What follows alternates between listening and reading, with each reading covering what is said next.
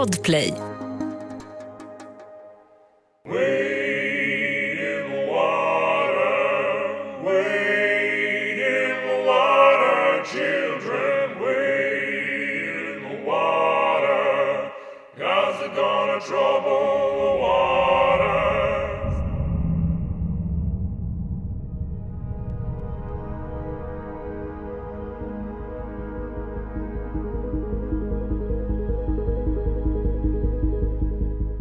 Tänk dig att du är på ett fartyg långt ute till havs. Du är den enda kvinnan i hela besättningen och din chef hotar att du ska passa dig för nattliga besök i din hytt. Det är en av alla saker som Elsa Hatz Grandin är med om på sitt jobb ute till havs. Men till slut får hon nog och anmäler en av förövarna. Det här är en statlig myndighet. Det här det får inte gå till så här. Sen kryper det fram den här man, jag är inte den första den här mannen har utsatt.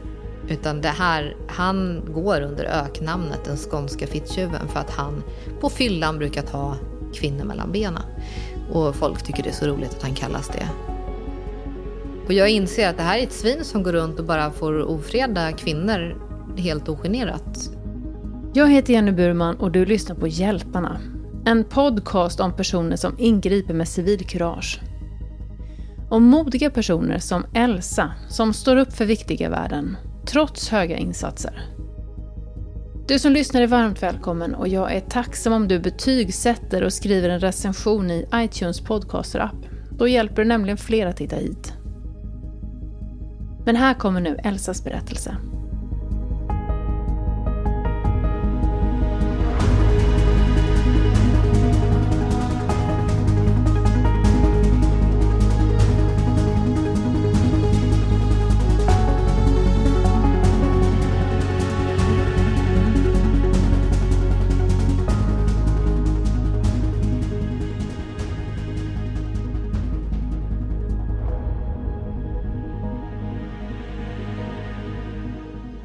Det ringer på dörren och utanför står Elsa.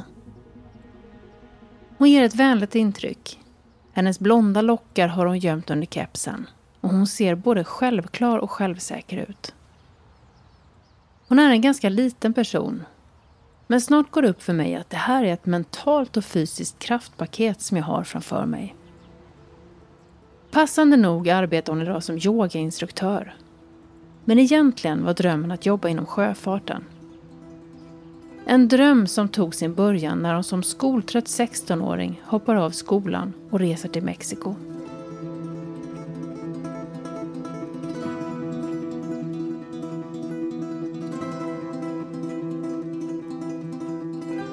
Intresset för att jobba till sjöss väcktes i mig i Mexiko. Och det var genom fisket, för att där väcktes intresset för att fiska i och med att jag följde med mina vänner, de jag lärde känna där. Jag lärde känna ett gäng eh, bröder faktiskt, mexikanska fiskargrabbar som, jag, som fortfarande är mina vänner idag. De, de kallar mig för syster idag.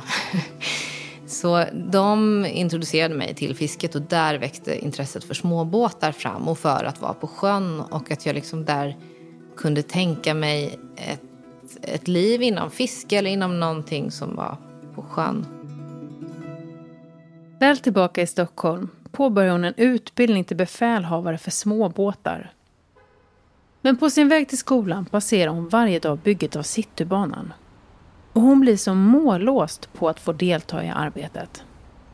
Så jag hoppade av utbildningen och eh, efter att ha tjatat mig till ett jobb där som enda kvinna bland, ja det var väl 400 män på det bygget, varav ja, det var, nu ska vi se här, 17 olika nationaliteter och 400 män. Och så jag. Så det var min start in i sjöfarten. Och det började med att jag började köra en liten boxerbåt som jag fick köra på den utbildningen jag hade. Och därifrån så insåg jag att ska jag vara kvar inom sjöfarten och kvinna så behöver jag ha den högsta utbildningen. Jag behöver vara högst upp. Jag måste vara den som bestämmer. Jag måste bli sjökapten. Varför måste man vara högst upp? Eller vad var det som fick dig att dra den slutsatsen? Några, det var några incidenter som hände på det här tunnelbygget. Eh, i, I form av liksom, ja, men, sexistiska kommentarer och lite hot. Eh, och det... Jag är ganska rapp i käften och ganska bra på att hugga tillbaka. Jag, jag, tog det som att det var en del jag fick liksom bara hacka i mig i och med att jag gav mig in i en mansdominerad bransch. Vilket naturligtvis inte alls borde vara så, men det var så jag tänkte då. Det som blev outhärdligt var att Alltså, om, om någon begår ett misstag så begår man ett misstag. Men om jag gör det där så gör jag det i deras ögon för att jag är kvinna. Och det blev att jag var tvungen att börja tidigare på morgnarna för att liksom kontrollera att ingen hade varit där och saboterat helt enkelt. För sånt hände för att jag skulle få skulden. För det var väldigt många som hade svårt med att jag var kvinna och jobbade som befälhavare på en båt. Sagt och gjort. Elsa pluggar upp betyg och utbildar sig på sjökaptensutbildningen i Kalmar. Det är en utbildning som både innehåller teori och praktik ute till sjöss. Men det dröjer inte länge före hon inser att sexistiska kommentarer, ofta i kombination med en kvinnofientlig stämning, är vardagsmat på båtarna. En incident som sätter spår sker tidigt i karriären på en praktik under sin utbildning. Hon har en månad kvar ombord, men båten har fått en ny kapten som hon går fram och presenterar sig för. Ett poddtips från Podplay. I fallen jag aldrig glömmer djupdyker Hasse Aro i arbetet bakom några av Sveriges mest uppseendeväckande brottsutredningar. Går vi in med hemlig telefonavlyssning och, och då upplever vi att vi får en total förändring av hans beteende. Vad är det som händer nu? Vem är det som läcker? Och så säger han att jag är kriminell, jag har varit kriminell i hela mitt liv men att mörda ett barn, där går min gräns. Nya säsongen av Fallen jag aldrig glömmer på Podplay. Ja, säger han. Eh, Elsa, säger du. Ja, okej. Okay. Och så står han tyst och jag och synar mig och så sa jag, ja det var bara det. Jag tänkte bara, jag ville bara presentera mig. Och så vände jag för att gå ner igen till min hytt. Och då säger han, ja vänta lite, vad, vad sa du att du hette nu igen? Elsa, sa jag. Ja, Elsa, Elsa, Elsa. Så upprepar han det en massa gånger och så säger han, ja Elsa, du låser väl hyttdörren när du går och lägger dig? Och det är också det, jag har ju inte träffat den här människan. Jag vet inte om det här är ett skämt, ett hot. Jag, vet, jag fattar liksom bara inte vad han menar. Eh, och då så säger jag att nej, varför, var, nej, varför ska jag göra det? För saken hör också till den att på, på, ombord på ett fartyg så, så, får du inte låsa hyttdörren. För att om det blir brand så måste rökdykare kunna komma in i alla hytter. Eh, så det är också en säkerhetsfråga att du ska inte låsa hyttdörren. Och jag säger att nej men det gör jag inte. Och då så säger han nej men eh, det skulle jag göra om, om jag var du. För att eh, annars kan du få besök på nätterna. Det var absolut en hotfull ton. Annars hade jag aldrig liksom blivit så rädd som jag blev då. Situationen gör henne osäker. Var det ett hot för att sätta henne på plats? Eller fanns det en risk att de faktiskt skulle få ovälkommet nattligt besök? Hon har inte råd att chansa. Och en ihållande rädsla gör att hon från och med nu blockerar dörren från insidan när hon ska sova. Och sen var det ju någon kväll när det ryckte i handtaget. Och jag vet fortfarande inte vem det var. Jag vet inte om det var han. Jag vet inte. Men det gjorde ju att liksom så här, jag, jag, jag, jag, har tänkt på det efteråt, hur ändå lugn jag var i det. Det var som att ju, ju, ju liksom värre saker som hände på, dem, på alla de här båtarna, desto mer liksom, äh, blev jag van vid det. Hot och trakasserier är en del av vardagen. Och Elsa lever ombord på båten med en ständig rädsla. På tidigare arbetsplatser har hon lyckats skaka av sig skämt och kommentarer som varit sexistiska. Så vad är det då som ligger till grund för den rädsla som växer fram under hennes år till sjöss? En rädsla som till slut får henne att sätta ner foten och anmäla. Enligt Elsa handlar det till stor del om att befinna sig på en arbetsplats helt utan insyn från omvärlden. Som dessutom styrs utifrån en strikt hierarki det finns överhuvudtaget liksom ingen insyn från land sett, utan vad som helst kan hända där ute. Det är liksom inga kontroller på arbetsmiljön. Utan insyn är bestraffningar en del av vardagen. Och i en strikt och osund hierarki delas straffen ut helt godtyckligt. Om du gör något som inte är omtyckt ombord så, så utsätts du för repressalier. Det blir, det blir liksom, du får straff. Du, det, ibland får du byta båt inom rederiet utan anledning. Du eh, nedgraderas. Du tappar din befattning. Eh, får jobba som matros fast du är behörig som, som styrman. Alltså det, finns, det är så mycket saker som... Och nöjer du dig inte med det, nej, då kan du gå. Och du, du kan inte heller ta dig någonstans. Så det är liksom det gjorde ju också att man, man vågar ju inte heller liksom vara för kaxig. För du, du, du blir ju dubbelt bestraffad. Det är inte som att du kan gå i land och ta en promenad och liksom ringa hem och rensa skallen. Utan du, du är där. Båten är, fartyget är inte liksom ditt jobb bara. Det är ditt hem. Det är där du bor för tillfället. Eh, sen har det inte bara varit sexuella trakasserier. Det har varit utfrysning. Det har varit liksom Nej, men det här med att... Ja, utfrysning är ju, det är ju en av de värsta händelserna jag varit med, med om. När, när, när man inte liksom ens säger god morgon. Du, du är inte, du, ingen ser dig över, överhuvudtaget. Du är, de låtsas som att du är luft. Och man blir ju galen till slut. Man blir galen av att vara ombord. Jag fick inga arbetsuppgifter, jag fick inga... Jag bara gick runt och var luft. Och det här har jag fått veta liksom långt efteråt andra som har varit på samma båt som har råkat ut för samma sak. Det är ett spel de kör där mot folk som kommer dit nya, som jag. Och både mot killar och tjejer? Ja. Att vara iväg ombord, allt ifrån några veckor till flera månader, skapar speciella arbetsförhållanden. Båten är under denna tid ditt hem. Och saker som skulle uppfattas konstigt i andra sammanhang normaliseras ombord bland besättningen där tystnadskulturen är total. Det är kaptenen som bestämmer ombord. Och hans ord är lag. Det som hände mig på båtarna, alla båtar jag var på, var att jag lite förlorade... Jag tappade lite vad som är rätt och fel. Jag, fick ing, jag pratade inte med någon. Alltså så här, du, du är på en båt, du möter bara de här... Jag tappade klarsyntheten. Det kan hända saker i land också, men då kan du liksom ta upp det vid middagsbordet med din familj, med nära och kära. Du kan höra av dig till en vän, prata av dig, du kan ta en promenad. Allt det där går man miste om ombord. Och det enda de, de enda du har dig att vända dig till det är ju de som har utsatt dig. Så det blir en, en väldigt destruktiv miljö. Den trygghet som varje anställd ska kunna känna på sin arbetsplats infinner sig aldrig för Elsa. Inte heller i sitt hem, hytten, känner hon sig säker. Och det handlar inte bara om kaptenens hotfulla uppmaning att hon ska låsa sin hytt. För en anledning till den skräck som Elsa kände då var att hon redan tidigare blivit utsatt för just ovälkommet besök mitt i natten. Det var en ganska bra båt, liksom, förutom han. Och det räcker att det finns en sån människa för att det ska, liksom, det ska väcka otrygghet hos mig. Och,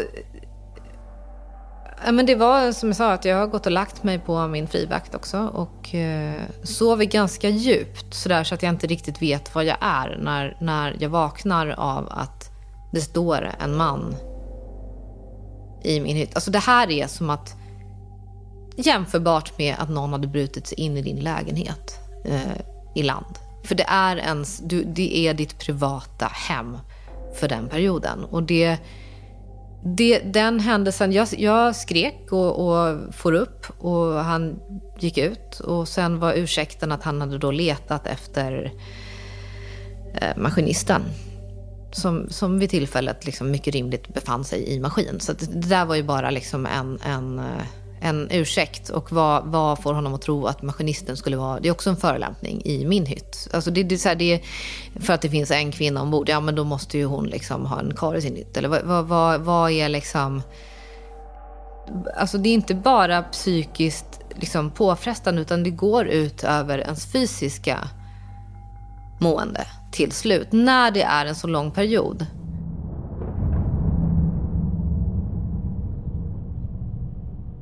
Händelsen är förknippad med ren och skär skräck. Och för att försäkra sig om att aldrig behöva vara med om det igen börjar hon blockera sin dörr på nätterna. Hon känner också ett stort obehag att inte kunna vara på sin vakt under djupsömnen och börjar därför ställa sin väckarklocka på ringning flera gånger under natten. Men den som inte sover blir sjuk. Och det är precis vad som händer Elsa, som efter ett tag diagnostiseras med magkatarr.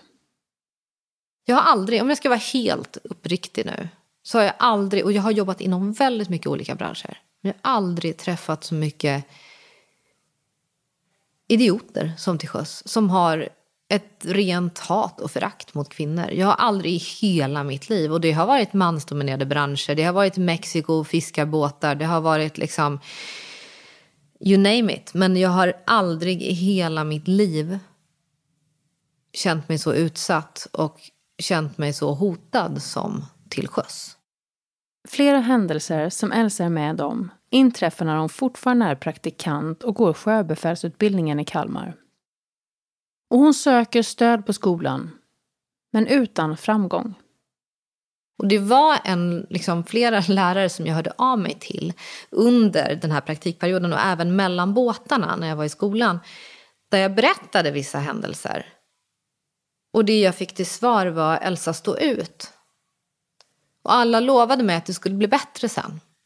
Men jag vet inte varför man uppmanar någon med att stå ut med någonting sånt här. Alltså det är det jag menar, det här är också, som lärarna är också gamla sjömän som lever kvar i en väldigt, förle, det är en väldigt förlegad både kvinnosyn och liksom kultur till sjöss. Det är en kutym skulle jag säga som, som liksom får frodas där. För den kan frodas där, för det finns ingen insyn. Vi har inte Arbetsmiljöverket som tillsynsmyndighet. Vi har Transportstyrelsen och vilka sitter där? Jo, gamla sjömän.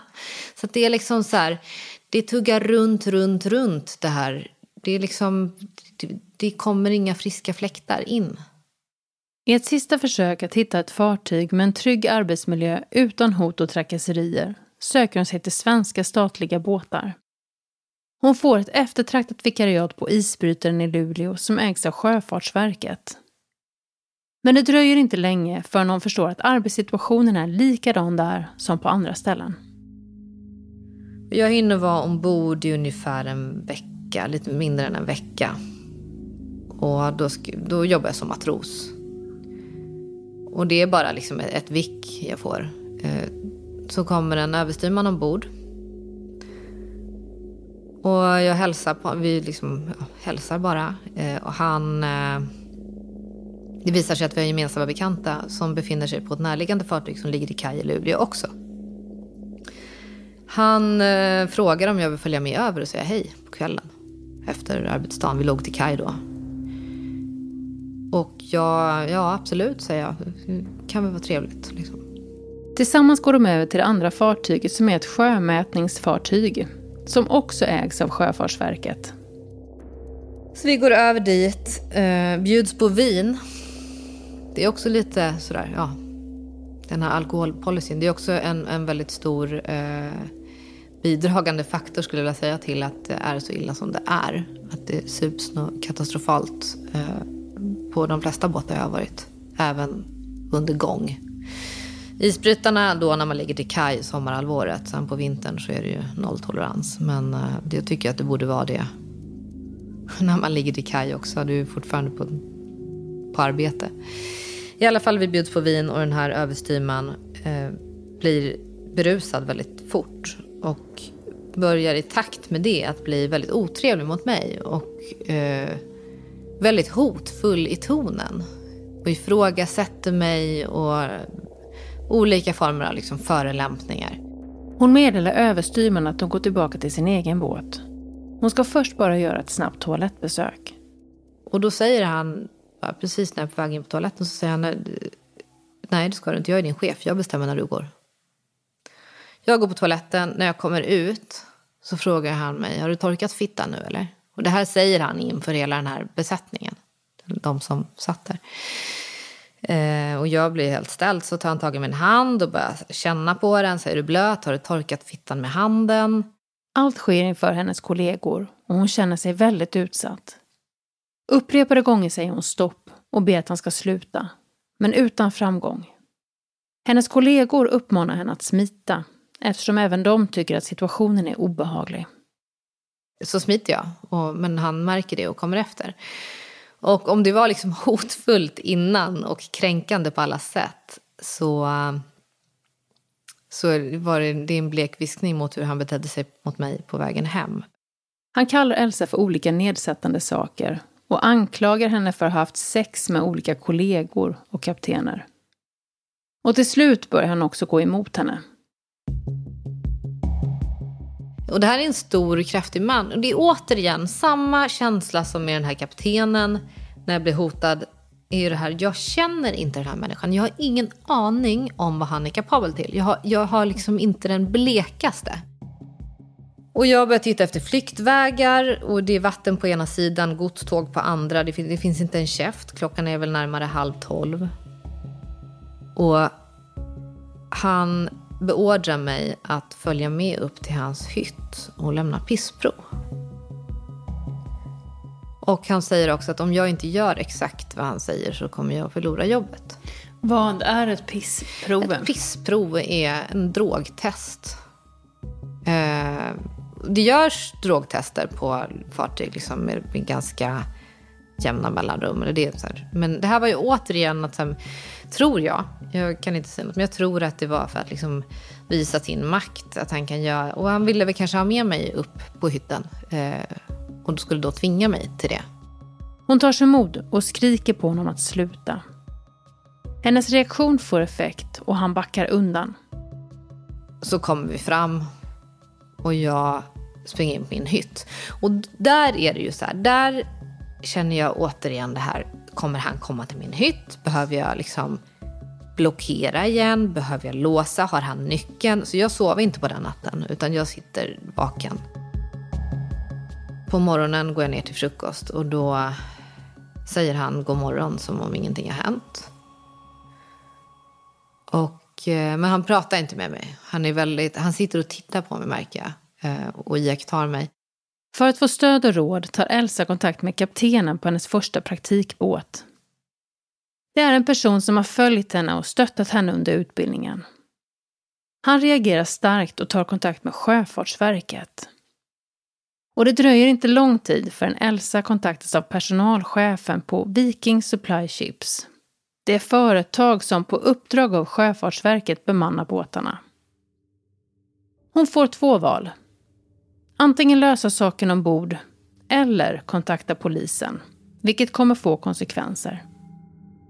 Så det här var ju det här var ett rent och skärt hot. Det, var, det gick inte att misstolka. Och jag är i den situationen. Jag är efter de här båtarna. Jag har inte det självförtroendet som jag idag känner att jag börjar få tillbaka.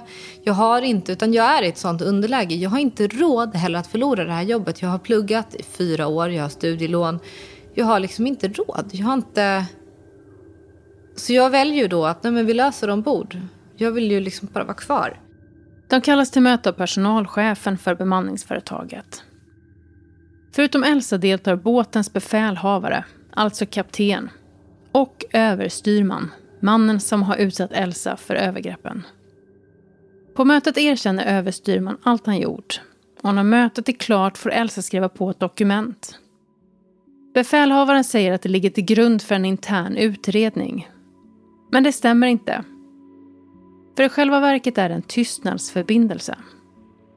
Och den egentliga avsikten med mötet är att kunna sopa allt under mattan.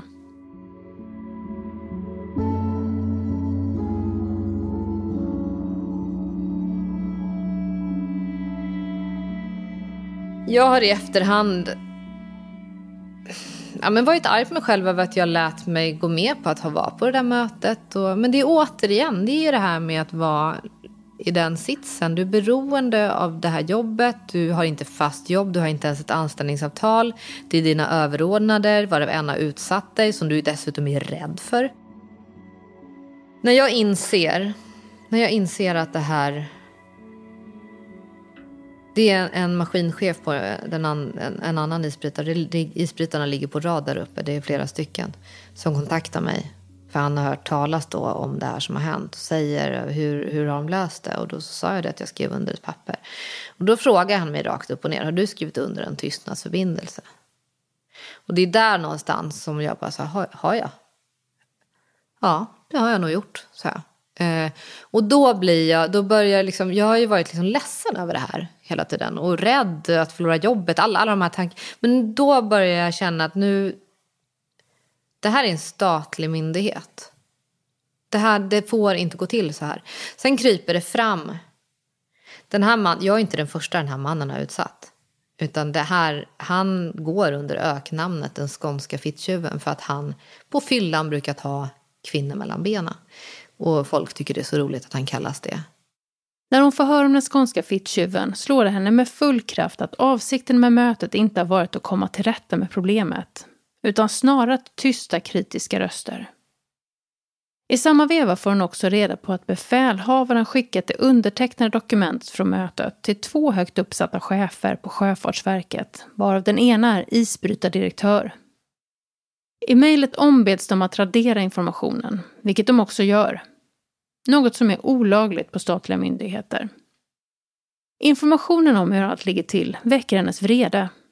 Och hon känner stödet från många kollegor att anmäla men hon inser också att en polisanmälan kommer få stora konsekvenser. Precis som hon varnades för. Och jag vet ju då, i och med att jag efter mina erfarenheter inom sjöfarten och, och hur jag vet hur branschen är så vet jag också att polisanmäl jag så kan jag också se mig om på månen efter jobb inom sjöfarten. Vilket kom att bli min verklighet, för jag jobbar inte kvar idag. De gör, jag gör det inte.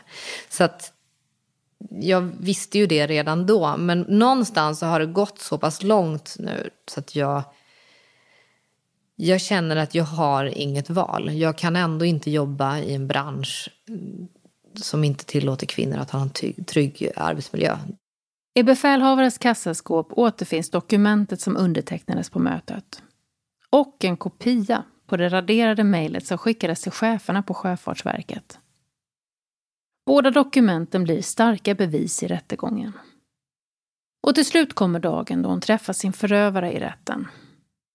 Jag kände mig ändå Jag trodde att det skulle vara obehagligare än vad det var. Men när jag kom in där och ser honom så känner jag liksom bara ilska. Jag är bara förbannad över att en sån här idiot kan dels sabotera hela min karriär och förnedra mig på det sättet han har gjort och fortfarande gå kvar där och ha sitt jobb och sitta där som överordnad och kunna göra det här tusen gånger om. Så jag kände mig mer förbannad och ganska lugn. Mannen som utsatte Elsa för övergreppen, överstyrman, döms för sexuellt ofredande och får betala 54 000 kronor i böter. Samt 10 000 kronor i skadestånd till Elsa Sjöfartsverkets hantering av situationen med de raderade mejlen har Elsa JO-anmält. Och även där blev det en fällande dom. Elsa gör också en anmälan till Transportstyrelsen som gör en inspektion av båten. Transportstyrelsen är myndigheten som avgör om ett fartyg uppfyller alla kriterier som krävs för att få lämna hamn. Ett kriterie är arbetsmiljön ombord. Jag får tillbaka, jag kontaktar Transportstyrelsen många gånger innan jag får den här rapporten skickad till mig. Och det dröjer och det dröjer och det dröjer. Till slut så kommer då ett mejl med rapporten och då har man hittat brister. Två sidor brister. Men de här bristerna är då överstrukna. De är maskade med helsvarta rader. Två sidor helmaskad text. Jag ringer till eh, Arbetsmiljöverket och får bekräftat där att men du får inte göra det i land. Du får inte maska en text för att skydda ett företag. För det, eh, det var det som var ursäkten, att, att skydda vissa, viss känslig information. Och det, det, det får du inte göra i land. Du kan få skydda enskilda individer, och, men om det är brister i arbetsmiljö så kan du inte maska det. Enligt Elsa behöver arbetsmiljön ombord bli en mer prioriterad fråga. Och en nödvändig förändring i rätt riktning är att låta Arbetsmiljöverket ta ansvaret. Transportstyrelsen har andra prioriteringar. Och det blev tydligt för Elsa när problemen inte synliggjordes utan istället maskades i dokumentet. Det gjorde det möjligt för fartyget att komma undan och fortsätta i drift som vanligt. Det som jag tycker är lite intressant är att Med en maskad text så kan heller inte certifikatet dras in. Vilket gör att isbrytarna får lämna kaj. Och jag tycker det är lite märkligt att det här sker i samband med den tuffaste isvintern på sju år. Som sagt, utan insyn av Arbetsmiljöverket och sidosätts arbetsmiljön till förmån för andra intressen. Det är första gången som ett sexuellt ofredande till sjöss prövas rättsligt. Men Elsas mod visar förhoppningsvis vägen fram för att få en förändring. Det är 16 kvinnor som har hört av sig till mig som har råkat illa ut för sexuella trakasserier på isbrytarna just. Varav sex har råkat ut för samma, samma person som jag. Det är den här typen av icke-agerande från högt uppsatta chefer som, som tillåter den här typen av brott att gå obemärkt förbi. För att hade jag inte gjort någonting så hade det här bara fortsatt. Och det, de kan inte säga att de inte vet om vad som försiggår. Det har jag liksom svart på vitt nu, att det vet hela Sjöfartsverket. Men hade jag inte tagit det här vidare så hade ingenting hänt. Eh, och jag tycker att det är skamligt att... Jag menar, jag som matros jag sköter mitt jobb utefter den lön jag har, utefter mitt ansvarsområde. Då förväntar jag mig att mina chefer sköter sitt jobb efter sitt ansvarsområde och sina löner. Och om inte jag har helt fel så ingår det att kunna handskas med den här typen av situationer. Jag tycker att man kan kräva det. Branschen har en lång väg kvar att gå när det gäller arbetsmiljöfrågor och jämställdhet. Och trots att Elsa gjort stora uppoffringar är hon idag nöjd med sin tillvaro. Jag jobbar som yogalärare idag och jag, jag kunde inte ha gjort något bättre. Jag är jätte, jätte, jättenöjd med det. Jag ångrar inte en sekund att jag anmälde och att jag... Även om det, även om det kostade mig både rykte och eh, karriär. För det ska gudarna veta att sjöfarten är en liten bransch. Jag har ju fått bekräftat från väldigt många olika håll att jag inte är, är välkommen. Eh, och det är nästan att jag idag tar det som en komplimang, om jag ska vara helt ärlig. Att blåsa i visselpipan är oftast förknippat med en personlig risk i form av utfrysning eller att man riskerar sin sociala status eller sitt jobb. Just därför är det lätt att bli imponerad av deras mod. För deras insatser är ofta avgörande för att driva förändring eller i att avslöja missförhållanden och orättvisor. Och om du ska blåsa i visselpipan, tänk på att förbereda dig. Samla information och bevis. Och det är oftast en trygghet om ni kan vara flera som gör det tillsammans.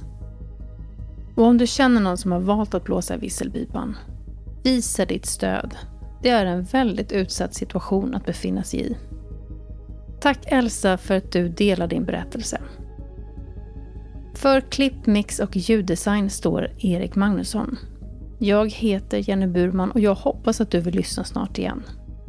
Hej då!